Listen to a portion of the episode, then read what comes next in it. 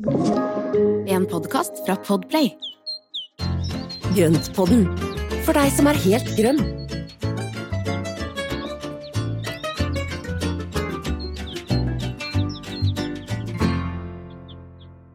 Hei og velkommen alle sammen til Grøntpodden. God dag, Espen, du er med meg. Ja, men det er jeg. God dag, Marianne. Du sitter i sola, sier jeg. Det er jo fantastisk. Du, det er jo vår. Ja, det varmer på ryggen, og vi har fått snøklokker i hagen, og det er jo bare Ja, det er nesten litt lumpen, for at vi har jo ikke fått det ennå her hos oss. Nei da, men det kommer. Det venter litt under Ja. jorda, og så kommer det opp. Det er deilig med det å glede seg òg, og vente forventning og sånt. Det, Ja, det skal være sikkert og visst. det. Er mye livs og livsgnist i god venting. Det er sant. Men du, jeg tenkte at før vi begynner med dagens tema, så hadde vi litt lyst til å si tusen takk for at dere er så flinke til å være med oss og skape dette Grøntpodden-universet Ja, med oss. virkelig. Ja, det er så hyggelig å høre fra dere i sosiale medier. Vi er jo på Instagram og Facebook. Det er liksom, det er spørsmål, det er tips, tilbakemeldinger, og sammen så, så gjør vi den podden bedre og mer interessant for dere. Mm. Og i tillegg som vi da ser at det er flere og flere som kommer til, og, og lyttertallene våre går opp, og det er jo utrolig morsomt. Mm. Så det er tydelig at det er flere der ute som anbefaler oss og så videre, og det er vi jo utrolig glad for. Ja, tusen, tusen takk. Tusen takk, altså. Kjempegøy. Og dagens tema, det er jo mye basert på tilbakemeldinger og ønsker fra dere. Eh, og jeg er helt enig i at det her trenger vi å lære mer om. Det traff meg rett hjem. Og det er Ja. altså ompotting og vanning. Altså plantepleie i hverdagen, tenker jeg. Mm. Det, ja, plant, ja, det er faktisk sant. Plantepleie i hverdagen, og da hvordan liksom vi steller med disse plantene våre som vi har inne, og de som forhåpentligvis skal ut etter hvert, og Mm. litt forskjellig sånn. Så det er jo dagens tema, er jo da hvordan å få hjelpe disse inneplantene våre over kneika som vi nå er, med, med litt sånn kortere dager, og ja, det Mm. blir jo bedre. Det blir jo bedre. Det er inneplanter også, tenker jeg, hvis det hadde vært fint hvis vi også kunne snakke litt om ompotting når det gjelder sånn forkultivering. Ja, det er det også mange som Prikling. eh, holder på med nå utover. Um, Mm. Så kommer vi helt tilbake til vanning og ompotting av eh, uteplanter. Ja. Skal vi snurre i gang da, Espen? Det gjør vi. Espen, la oss begynne med ompotting. Eh, hva slags typer omplanting har vi? Altså I grove trekk så er det to ting. Det ene er at vi potter om. Gir planta en ny potte, litt mer plass, setter inn da ny jord og sånne ting. Og så er det det andre, det er da toppdressing. Og jeg syns det er litt fint, ja da. Toppdressing er fint. Høres fint ut. gøyalt. Ja, ikke sant? Det er som en salatdressing, at man Ja, da hiver på noe godt på toppen. Akkurat, ja. Hvor vil du begynne? Hva vil du fortelle om Vi kan først? godt ta toppdressingen først, for at det er jo egentlig det som er det enkleste. Og hvis du da har store potter hjemme, som du har av store planter som er vanskelig å håndtere, det er jo ikke sikkert du har plass til enda større potter, hvis ikke du har tenkt å bygge en innendørs hage med store plantekar og Mm. fylle opp med bed langs med vinduer og ja, fjerne litt av gulv, eller bygge ut hus, eller lage egen vinterhage. Det er kanskje en annen episode. Ja, jeg tenker Mm. det er det, på ekstrempodden. For oss vanlige folk så er toppdressing altså et alternativ når plantene og krukkene har blitt så store at du syns de begynner å, å ta nok plass. Ja, det er nettopp det. Og det som er så genialt med toppdressingen, er at du bare fjerner, si at du fjerner 5 cm av det øverste jordlaget, eller det som er litt løst på toppen, og så tar du bare skraper det forsiktig, ja, bruk fingrene, og så, så fyller du det i en bøtte, tar det ut, fjerner det og legger det i enten et blomsterbed, eller i en kompostbinge du har, eller blande med bokashi. Du kan gjøre sånne ting for å da egentlig ha, lage en liten jordfabrikk, og så gjøre den god igjen. Så kan du bruke den senere. Herlig. Jordfabrikk. ja, ikke sant? Ja, ikke sant? Mm, Men det som du kan gjøre med, med det laget som du tar bort, eller når det er borte, så fyller du på med ny næringsrik jord. Og det gjør at da når du vanner, så vil jo nye næringsstoffer trekke ned til røttene, røttene kan komme opp og liksom komme og hente litt ny næring i det nye jordlaget.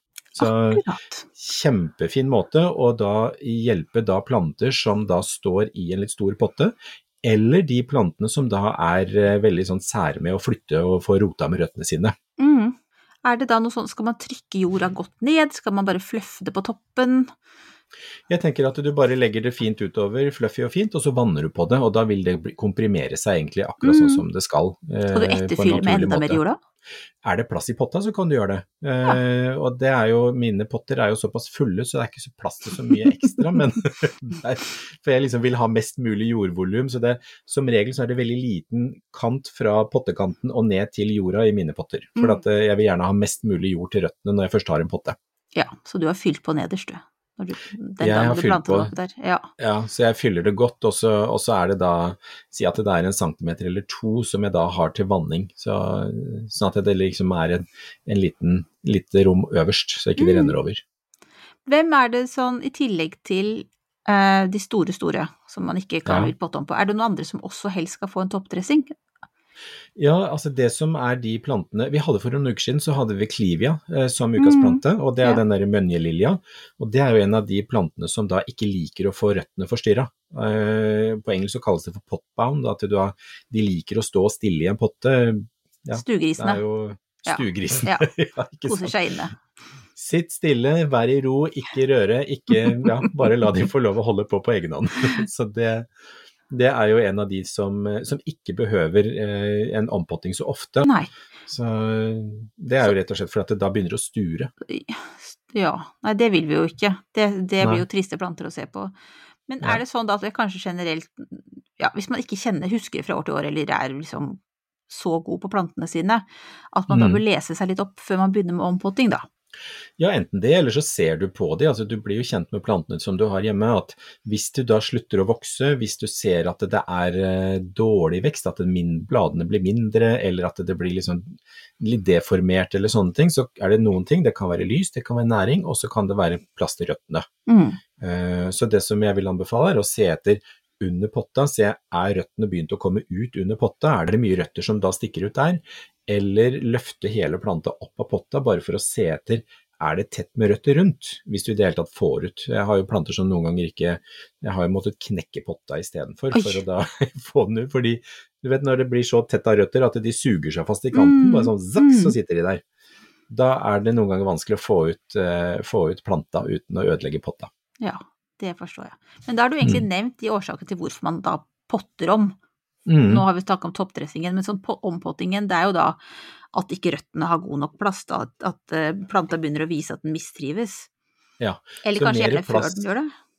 Helst før. Ja. Altså, og det som er nå på denne tiden av året som vi er nå, altså i tidlig fase på vekstsesongen, så er det det at hvis vi da klarer å gi dem det derre eh, altså det derre næringstilgangen og det liksom gode miljøet nå, så er de godt rusta for å da ha en god vekst fremover. Så Mm. Derfor så vil jeg anbefale bruke februar og, og mars egentlig på dette med ompotting og toppdressing og gi mer plass, mer næring og gode vekstbetingelser for plantene fremover. For vi må tenke et steg fram, for det er jo liksom ikke noe det er ikke noe sånn injeksjon dette her, det, er liksom, det tar litt tid før det tas opp i planta, og så skal de da liksom forberede seg og bruke det de, det de får av ny næring.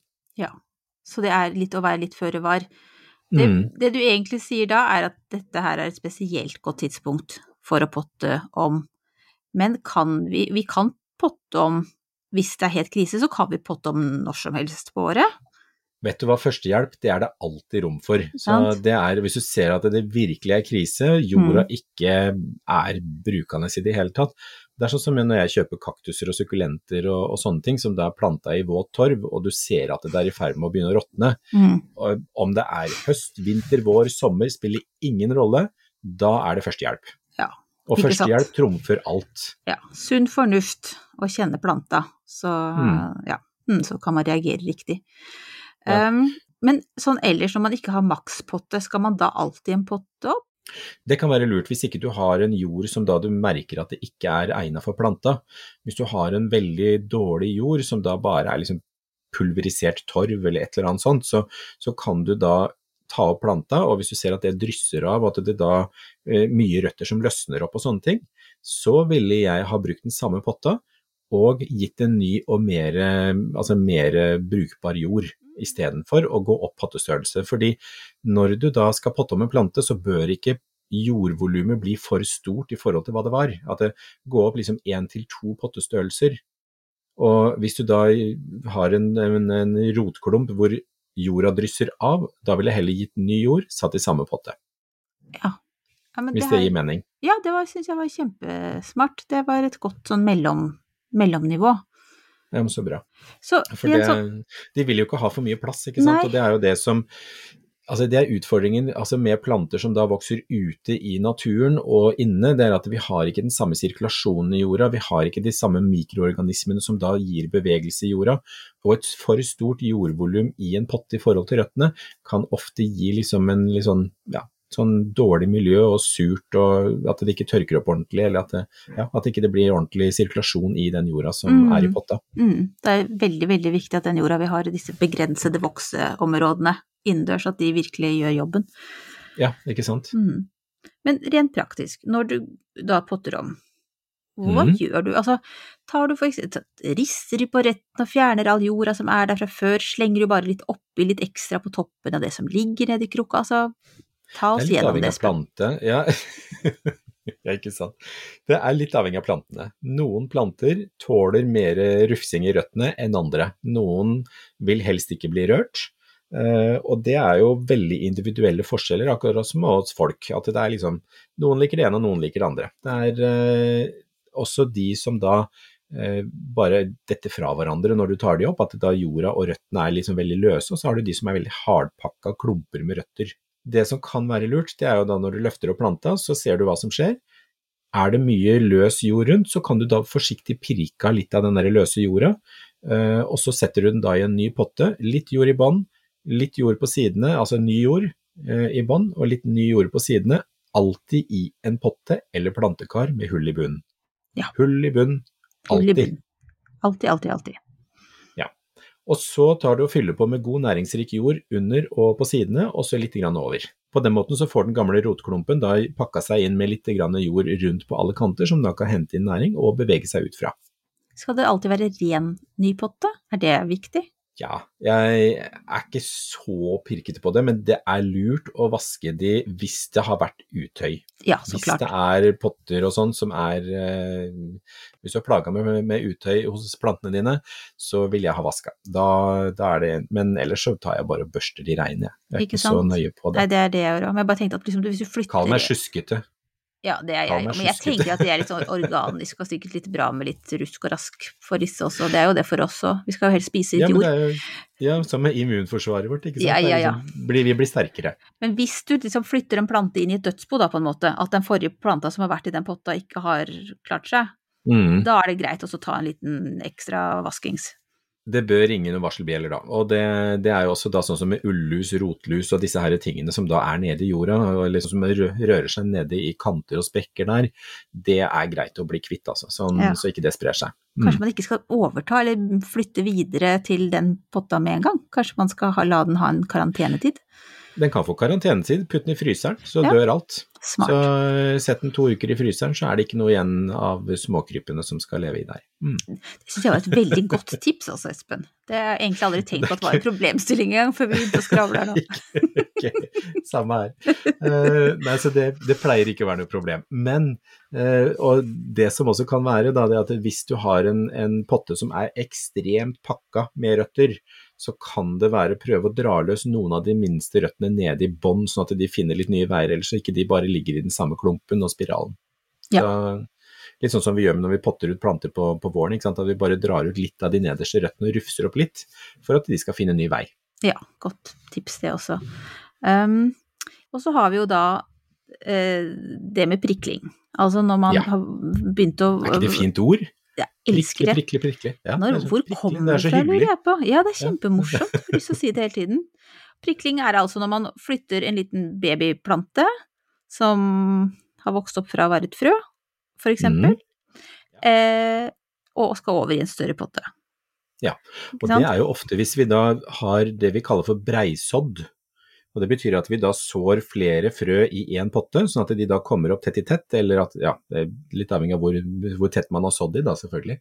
Men når det da kommer opp flere planter fra frø i én potte, så må de på et tidspunkt flyttes over i enkeltvis potter, eller at de da setter et par stykker i hver eh, videre. Og det heter å prikle. Og da løfter man de forsiktig opp, og så gir man de da god næringsrik jord, disse skal jo ikke gjødsles, de skal ikke ha så, liksom, så kraftig start etter at de har vært flyttet videre, for røttene er fortsatt litt svake. Eh, og da potter man de over i egne potter. Og der er sånn lite tips på at når du skal flytte frøplanter over fra, fra det opprinnelige karet og over i nye potter, så ikke hold i stilken. Men ta tak i et lite blad, enten i frøbladet eller et av de første bladene som har kommet ut som er eh, ordentlige blader. Mm. For det er veldig fort at vi klemmer litt for hardt på stilken, og da dør planta etterpå. Ja, det Så vet jeg av erfaring. forsiktig med det. Ja. Ja, også, Og så ja, også bare være veldig sånn nennsom på hånden uansett, liksom. Du, målet er at planta skal overleve til, til neste potte. Ja, ikke Eh, sant? Og da kan man da bruke f.eks. en liten plantepinne til å lage hull i den nye jorda, eh, dytte forsiktig med jord inntil røttene, og så vanne forsiktig etterpå, slik at man hele den prosessen, da er man litt varsom, altså. Det er, Mm. Det er ikke noe man eh, bare sauser sammen, da, da skal du være forsiktig. Jeg vet ikke om du sa noe om det, men skal de da ha De skal ikke ha såjord når Nei, de prikles om. De skal heller ikke nei. ha for næringsrik jord, da. Du, Nei. Det, da bruker du ikke den der verste komposten, det gjør du ikke. Den, eh, det skal være en alminnelig plantejord uten for mye tilsatt næring. Eh, litt avhengig av plantene selvfølgelig, for at noen er jo mer sultne enn andre. Så tomatplanter f.eks., de vil jo gjerne ha ganske god næringsrik jord. Der er det liksom tut og Og- kjør fra fra starten av. Ja, men, det er, men igjen dette her at de får da den myke starten til røttene har etablert seg, Mm. og så kan man gradvis øke med næringstilgang etterpå. Og man ser at røttene har etablert seg når man ser at planta begynner å vokse mer, er det ikke sånn? Mm. Du ser det på veksten, for det, rett etter prikling så er det veldig ofte at de henger litt, og da er det lurt også å sette de enten i et minidrivhus, eller at man da går og dusjer de jevnlig for det holder luftfuktigheten oppe rundt plantene. Fordi det er jo noe med at eh, ja, det er ikke alle plantene som liker å dusjer, så det var jo kanskje ikke det beste rådet, men eh, høy Men, luftfuktigheten Ja. ja. Høy luft, Luftfuktigheten, ja. Ja. For da, slipper, da slipper de å kjempe mot den fordampningen fra bladene. Sånn at røttene får jobbet med Og de bruker alle kreftene på at røttene skal utvikle seg, og så kommer de i gang. Og det er så gøy når du forteller sånn, for da forstår man liksom hvordan plante har det, så klart. For da vil den, hvis det er for tørt rundt, så vil den bruke mm. tid på å, liksom, å redde bladene. Bladvei. Mens Ja. det egentlig det viktigste foregår jo under jorda. ja. ja. Rot og topp henger alltid sammen. Yes. Yes. så først skal rota etablere seg, og så kommer da bladene opp, og, og, og veksten starter opp igjen da. Og da kan man gradvis øke med gjødsel og sånne ting etterpå. Og neste ompotting blir jo da i utplanting, ikke sant, for tomatenes del, og da er det jo rett i skikkelig ordentlig god, kraftig jord som, Mm. eh, som de skal ha masse næring. Masse næring hele tiden. Mm.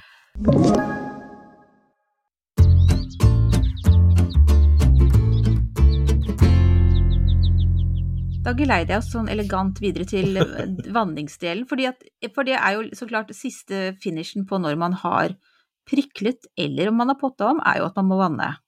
Ja. Ikke sant? Det er, jo, det er jo det. Det eneste som ikke skal vannes etter ompotting, det er kaktuser. Akkurat. For kaktusene, de, eh, og de skal jo da ha en helt annen substrat, ikke sant. Der har vi snakket om før at det skal være grus og sand og mineralske ting som gjør at røttene får et godt feste. Men der skal røttene For at, du vet, kaktusene de har jo masse fuktighet inni seg, og der bruker de en del av sin egen, eh, sin egen kraft og fuktighet til å etablere nye røtter, slik at de kan ta opp vann. Og da skal det ikke være for fuktig. Så Ja. hvis de blir vanna rett etter, eh, etter ompotting, så vil det ofte kunne da oppstå råte. Greit. Den husker vi på. Mm. Tørt så, for kaktuser. ja, så de kan vente en uke, 14 dager før man begynner å vanne. Sukkulenter, da. Det er litt samme sak. Ok. Eh, Det, det er jo det. Det eneste er altså med stiklinger så er det litt annerledes, for der er det jo, da skal de tørke først, og så kan de få en lett fuktig jord etterpå. Så ren ompotting, så, så skal de tørke etter ompottinga. Mm. Men sånn generelt, etter ompotting og prikling, Mm. så vanner man. Ja, så vanner man. Slik at liksom jorda pakker seg litt rundt røttene, og røttene får lov til å sant. etablere seg i den nye Ja. jorda. Mm. Så, ja, og da får de god kontakt med jorda, da får de tid til å liksom etablere liksom den kontakten og de der hårrørsrøttene som er de bitte, bitte, bitte, bitte tynne små, som da trekker opp fuktighet til planta. Mm. Generelt, jeg vet du ikke hva å si, generelt går ikke an å si egentlig, men jeg sier det likevel, hvor ofte og hvor mye?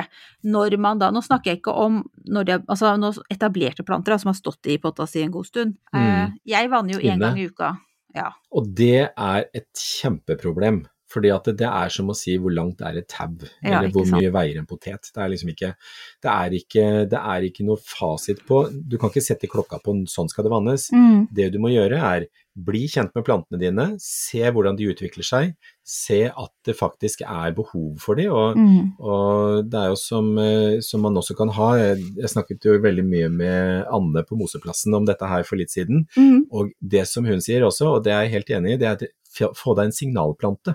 Få en plante som du ser at ja, men denne tåler en tørk, den begynner å henge litt med bladene. Når den henger med bladene, så er det på tide å sjekke de andre. Å ja. Kjempegodt tips! ja. Og det er jo det, det du kan gjøre, og da ha en signalplante. Eller at du da ser på plantene dine og ser, henger de litt med bladene? Er de blitt litt mattere i utseendet? Ser du at det er noe som skjer her? Da er det greit å sjekke ut. Mm. For jeg, som sagt, jeg vanner altså en gang i uka, for hvis ikke så er jeg redd for at jeg kommer til å glemme noen. Men jeg Mhm. ser jo altså som stuelønnen og alle de sånn med sånne tynne, fine blader, de mm. er jo da veldig klare for mer vann, Mm. mens andre, sånn som pengetreet, ja, har det jo liksom helt greit.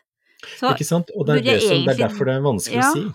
Kunne den kanskje stått liksom en uke til uten å vannes? Ja, Ja. definitivt. Mm. Og det du må gjøre, og det er jo alltid det, stikk fingeren i jorda, kjenn godt ned i potta. Hva er det, altså hvordan kjennes det ut? Er det fuktighet der, så skal det ikke ha vann. Mm. Er det, og du kan ikke vanne på, du kan ikke vanne på, på dato eller klokkeslett. Altså det er liksom sånn, ja, da vanner vi alle, for at plantene har individuelle behov. Ja. Så det som er om å gjøre, det er stikk fingeren i jorda, kjenn etter, trengs det vann? Er det fuktig, så venter du. Er det tørt, så får de vann. Og en annen ting er at det, dette her kan jo variere fra har du da 18 grader inne i, som stuetemperatur, så er det stor forskjell på deg på 18 grader og en som har 25 grader. Mm. Så det altså For å sette det litt på spissen, så Mm. er det en plante tørker mye fortere ut hjemme hos en som har det varmere. Er det varmekilde i nærheten, så vil det tørke ut planta fortere. Uh, og en annen ting er også at hvis du da fortsetter å vanne på en, en plante som er fuktig, så vil du fort få sur og råtten jord, og planta dør. Ja, akkurat. Så istedenfor at jeg da Altså, jeg, jeg stikker fingeren nedi, så de som jeg Bra. kjenner at liksom ikke er uh, supertørre, de får kanskje, de får kanskje liten skvett, da. Fordi at de er nå i gang. liten skvett Og skader av de, ikke. og, og noen av de står i kjøkkenvasken, sånn som stuelønna og sånn. Han bæres jo over da og slår tak i Han er jo så stor blitt, så han er liksom Ja. Ja, Han og gjør da litt u- trenger de også mer vann. Så han Ja. står nå der. Men, men ellers så er det jo egentlig sånn at jeg bør ta en ukesjekk istedenfor at jeg tar en ukevanning. Yes. Ja. Det er et godt poeng. Ukesjekk. Og en annen ting er at man kan da på de mindre pottene, så kan man løfte på potta, for du kjenner fort om den er tung eller lett. Det er sant. Og du vet også da med stuelønna di, der at hvis du da har hatt en vanningsrutine på den mens den var liten, så gjelder ikke det når den er stor, for da har den mye mer bladmasse, og da vil mye mer vann fordampe fra bladene. Og da trenger den oftere vanning. Mm. Men bør den både vannes nedenfra og ovenfra? Er det noe sånt? Skal man liksom dobbeltvanne, eller skal man velge? Har du en stor, stor tørst plante, så kan det være lurt å sette hele greia i en balje med vann, eller en bøtte med vann, og så la den stå der og trekke opp en liten stund, altså. Mm. Og, og det er jo en måte man også vanner sånn som asalia på, det er jo det å senke hele potta i vann til den slutter å boble. Ja. uh, I en bøtte, og da kan den settes opp igjen, la den renne av seg, og så setter du den tilbake på skåla. Det er jo Mm. en måte å vanne på, og da er du sikker på at den da har, har fått liksom um, ordentlig gjennomvanning. Mm. Nå var jeg litt inne på det med vanning ovenfra eller nedenfra. Er det noe mm. Må man velge? Er det noen planter som skal ha det, det ene, og noen som skal ha det andre? Ja, og det er jo igjen litt grann individuelt, fordi det er enkelte planter som da ikke tåler nesten noe vann på rothalsen. Eh, Ah, og det vil si altså overgangen mellom, Mm. ja, øverst, mellom da, altså den lille overgangen mellom rota og planta, det kalles Mm. jo for rothals. Eh, og der er det en del planter som er sårbare, og alpefjol, syklamen, er jo en av de plantene som ikke liker å få vann på rothalsen, eller der hvor bladene er festa i den bitte lille knollen. Mm. Hvis den får det, så er det fort at det blir råte, og så vil hele planta visne. Og hvis du får råte da i rothalsen, så, så mister du kontakten mellom rota og planta, og da dør den. For da er det lite du kan få gjort når du har Da er det veldig lite du kan få gjort. mm. Det samme gjelder for kaktuser, og det er jo derfor veldig mange kaktuser bør stå i dette her mineralske substratet som gjør at all fuktighet bare forsvinner bort fra, fra der. At det, det ikke blir stående fuktighet inntil da rothalsen på kaktusen.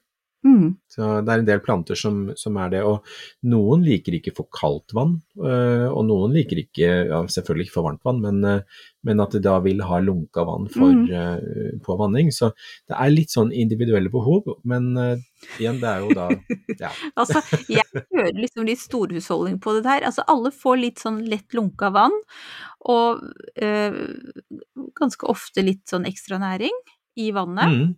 Ja, bra. Um, så, så jeg har jo egentlig ikke tenkt at jeg skal begi meg ut på dette med kaldt eller varmt vann, holdt jeg på å si, men Nei. kanskje jeg skulle ta en litt, lese meg litt opp på det, da, hvis det er noen som koser seg. Altså, sånn som tulipaner vil jo stå i kaldt vann som bukett, ikke sant? Så da, og det vet jeg jo, så jeg kan jo liksom sikkert klare å finne ut litt mer om de stakkars plantene mine også. Ja, Men så tenker jeg at vi skal ikke gjøre det for komplisert, for at det, er det som er, at, sånn som du da som sier at vet du hva, dette er det jeg gjør. Og det som er så fint med det, er at det da noen planter de tilpasser seg ditt stell. Mm. Noen planter de går ikke, men da får man bare si at nei, men de gikk ikke.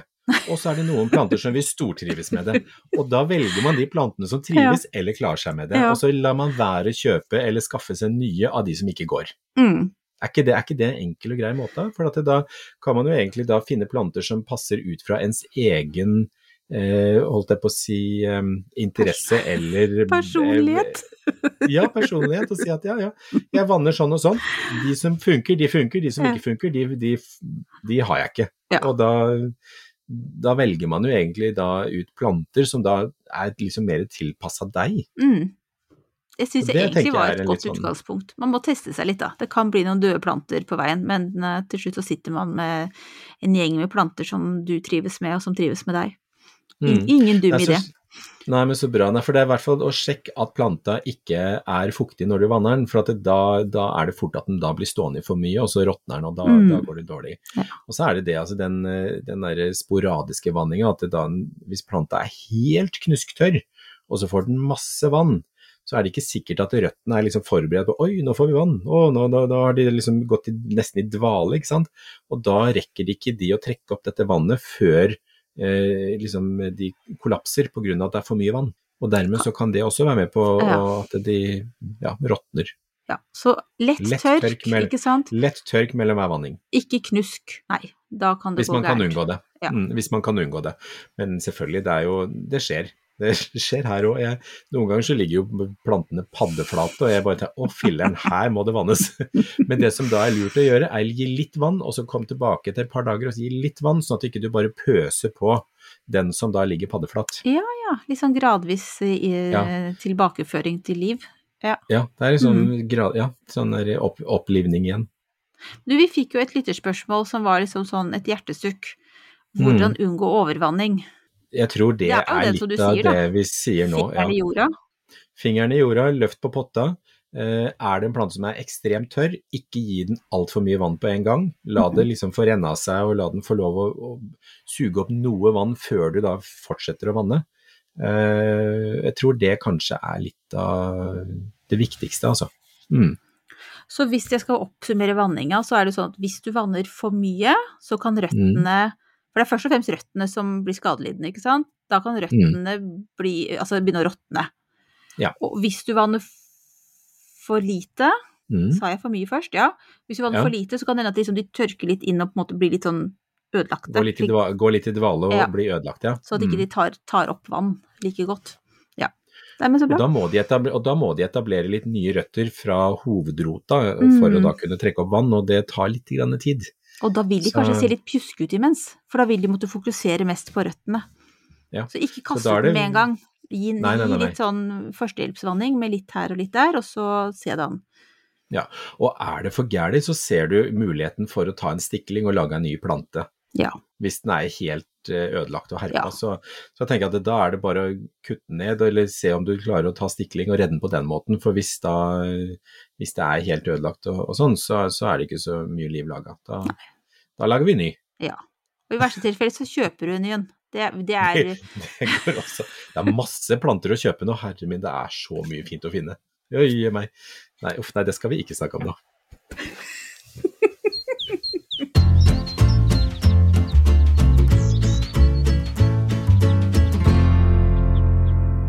Mm. Ja, takk Espen, du. Det her var mange gode råd. Og ja, du må ikke begynne å snakke om alle de fine plantene som finnes der ute, for jeg, jeg skal nemlig i blomsterhandelen rett etterpå nå. Ja, så bra. Å, det er bra. Ja, så. Herlig. Men du, over til ukas plante. Det kan jo være et tips, Ja. da. Til, til shopping. Men det her er jo en staude, er det ikke det? Ja, men Jo. det er en staude. For at Mm. nå har vi hatt mye inneplanter som ukas plante, og nå begynner vi å fylle opp ønskelista for hagen til sommeren. Mm. Uh, og dette her, er, altså dette her er en liten, liten skatt som jeg fant ute på Hesleberg gartneri for uh, et par år siden. Jeg fikk lov å rote borti noen kroker som egentlig ikke man, jeg skulle ha rota i, for at der var det mye gøy, altså. Herre min. Og da fant jeg en liten som heter Anemonella talictroides. Og det er en liten sånn woodlandstaude fra, jeg tror det er noe fra Amerika, tror jeg. Eh, som også blir kalt for ruanemone. Mm. Og den, Den er fin, den. ti Ja, den er så nydelig, og den finnes eh, i litt forskjellige enkle og fylte varianter innenfor rosa-hvitt. Eh, og eh, jeg har to stykker, og det er en som er halvfylt og en som er helt tettfylt. Mm. Og den tett, tettfylte ser jo ut som et lite sukkertøy, med da fine sånne lette fluffy blader, og så har den da fylte sånne rosa eh, knapper, og jeg tipper at de blomstene er en to-tre centimeter i diameter. Um, sen vår, tidlig forsommer, så kommer det opp noen spede det ser jo nesten ut som, altså den ser nesten ikke ut som noen ting. Der kommer det opp noen bitte, bitte små skudd. Jeg trodde den var i ferd med å dø i fjor.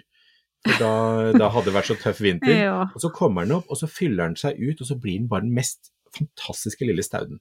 Mm. Halvskygge, veldrenert jord og sånn ganske jevnt fuktig. Er det noen herdighetssone som den absolutt ikke klarer? Ja, jeg tror det er H4, og den, Mm. eh, og den klarte altså den tøffe vinteren i fjor, som var masse barfrost her i Oslo. Og eh, til tross for det så kom hun opp og ble kjempefin, også. Mm. Og vi legger ut bilder på Instagram og Facebook, Ja. sånn at dere kan få se den, og så kan dere da gjerne notere den for ønskelista for hagens, eh, eller sommerens, ja, nye stauder. ja. Kan Staudebedet. anbefales. Ja. Ru rueanemone. Ja. Mm. Og den finnes jo også i den veldig enkle varianten som ser nesten ut som en hvitveis, som den jo er i Ja, familie med Den er i samme, samme, Mm. ja, den er samme slekta. Så, så Mm. har du da den helt lyse hvite som er helt fylt, som heter cameo, som også er helt uh, oh. nei, altså, det, er så, det er så vakkert at det er jo Ja, vel vondt inni det. det er litt Mm. sånn at hjertet brister litt et sekund når man ser på det. Ja, og sånn skal det være. Sånn skal det være. Det Ja. må det være. Mm. Moving on, før vi liksom bare drømmer oss bort i denne vakre, vakre skjønnheten, eh, Ja. så har vi ukens spørsmål. Jeg skal skal så klokkeranke. Bør jeg Mm. breiså, så i pluggbrett eller enkeltpotter? Og anbefaler dere å legge frøene i vann først. Ja. Jeg syns det er så hyggelig, kan bare si det. Tusen takk for at dere inkluderer meg med å si dere. Altså, Ja, jeg, jeg vet men du har jo masse erfaring, så det er bra. Jeg vet akkurat hvordan man gjør det, men jeg lar Espen svare, jeg, dere. Så Du har gjort dette mange ganger før, så det, det kan du helt fint. Men eh, det som, eh, det som er med klokkeranka, den er jo Mange begynner jo med den allerede i januar, og det, jeg gjør ikke det fordi at det blir for stor plante å håndtere inne. mm. Men det er fint å få den i gang nå i slutten av februar eh, og begynnelsen av mars. Og da er det lurt å legge frøene i vann over natta. Eh, og de er jo liksom flate, mørke, ikke sant. Som, Mm. sånn helt flate, ser ut som små skiver. Eh, legg frøene i vann over natta, og så kan man jo velge enten å så de i pluggbrett eller enkeltpotter.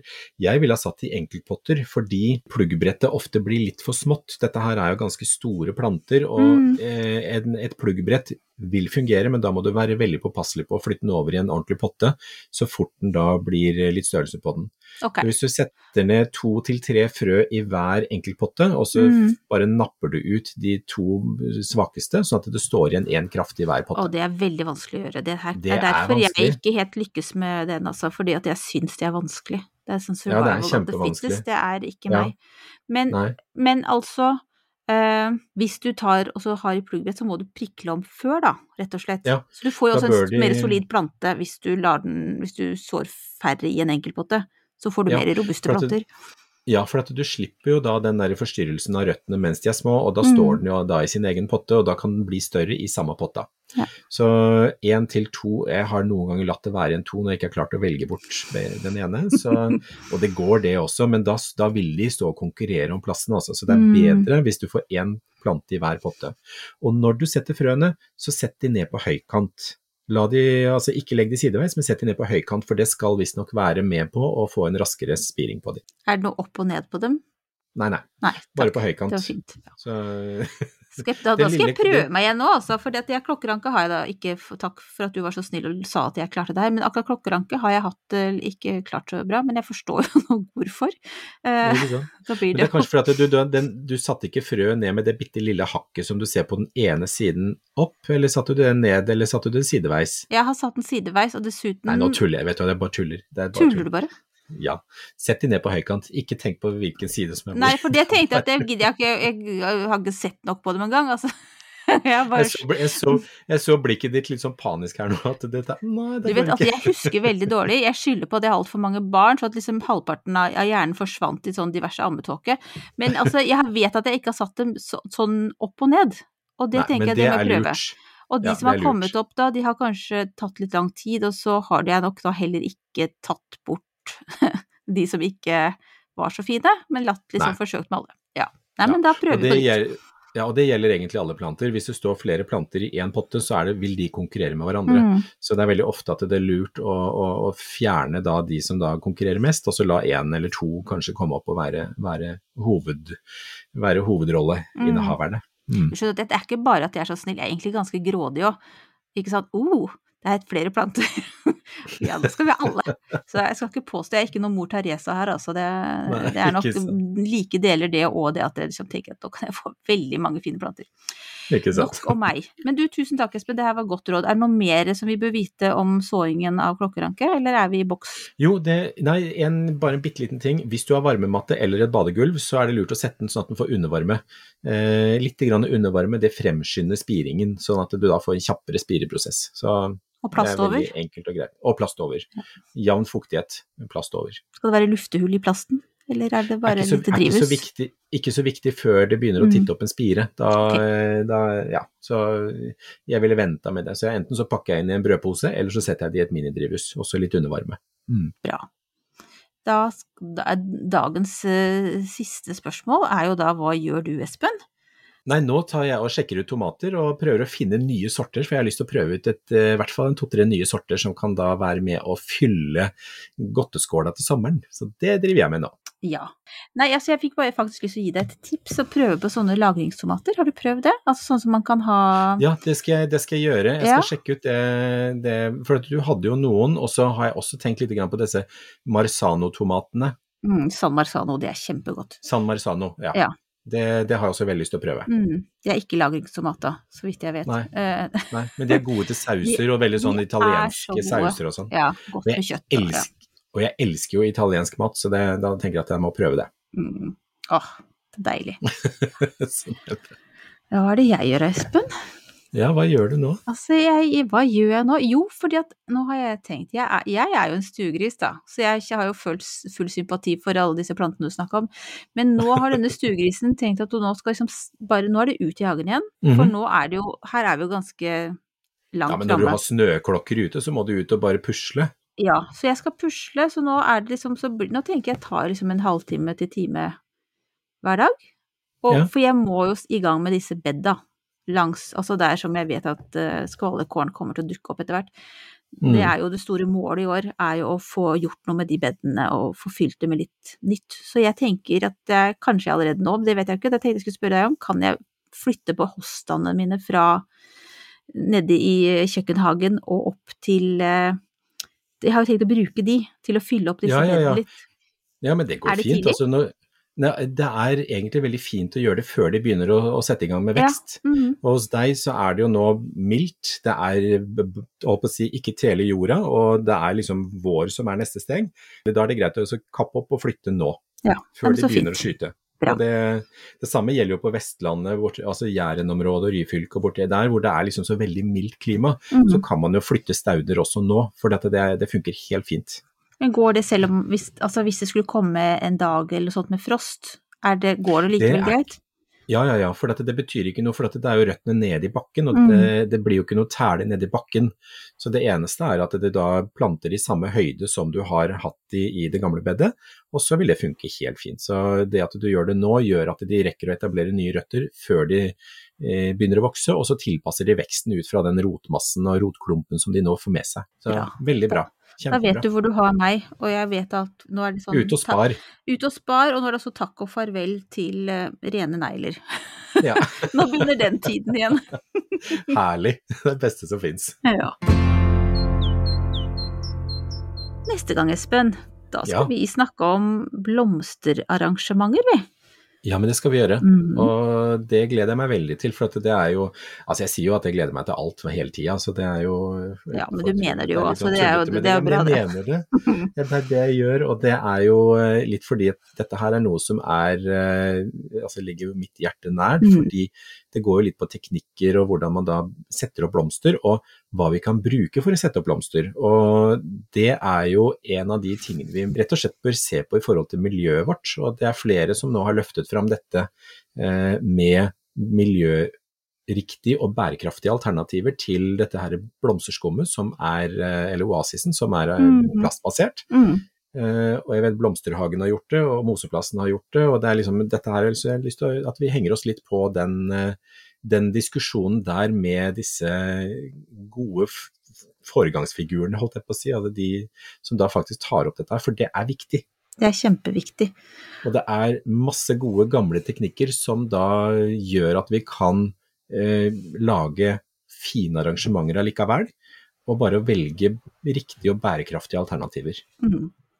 Så det min innfallsvinkel er jo det at nå som jeg liksom, vi har begynt å legge ut fredagsbuketten, Mm. og det har jo vært noen ganger at det er mine buketter som har blitt lagt ut. Og altså jeg er sånn, ofte så syns jeg det blir ganske fint, men noen ganger så blir det ikke fint. Uh, og da lurer jeg på om jeg skulle gjerne hatt liksom sånn at jeg visste at jeg alltid klarte å sette sammen bukettene mine fint. Altså at det Mm. blir, altså, og da tenker jeg som du sier, det er teknikk. Det er litt sånn du må gjøre ditt og datt og tenke litt høyde og sånn, og ja. Og ikke minst vasetype. Altså, Mm. ja. Veldig viktig. Altså, jeg tenker at vi skal ta med litt grann vasetyper. Kanskje vi plukker ut en eh, tre-fire vaser som er kjekt å ha i skapet. Altså i samme, samme episoden. Så sier vi litt grann om form og, form og type. eh, Mm. At vi da tar med det også. Mm. Bukettype og vasetype. Teknikker og Dette blir gøy. Dette her blir så bra. Vi gleder oss. Du, vi gleder oss som alltid. Eh, Mm. og, og da snakkes vi, eller dere hører fra oss om en ukes tid. Um, I mellomtiden så har, er det jo masse gamle episoder dere kan høre på. De er jo ikke Ja, ja, ja. gamle sånn sett, de er jo aldri uaktuelle. Uh, så det er jo bare, og hvis dere liksom lurer på noe nå, så kan dere jo se tilbake et år da, på ting som vi snakka om da. Kan Mm. hende at det finner noe som er aktuelt for dere nå. Uh, Og fortsett å ta kontakt og stille Ja. spørsmål hvis det er noe. Veldig, gjør veldig fint. det. Ja. Mm. Da sier vi ha det bra, Espen. Tusen takk for i dag, og takk for at dere Mm. henger med. Absolutt. Ha det bra.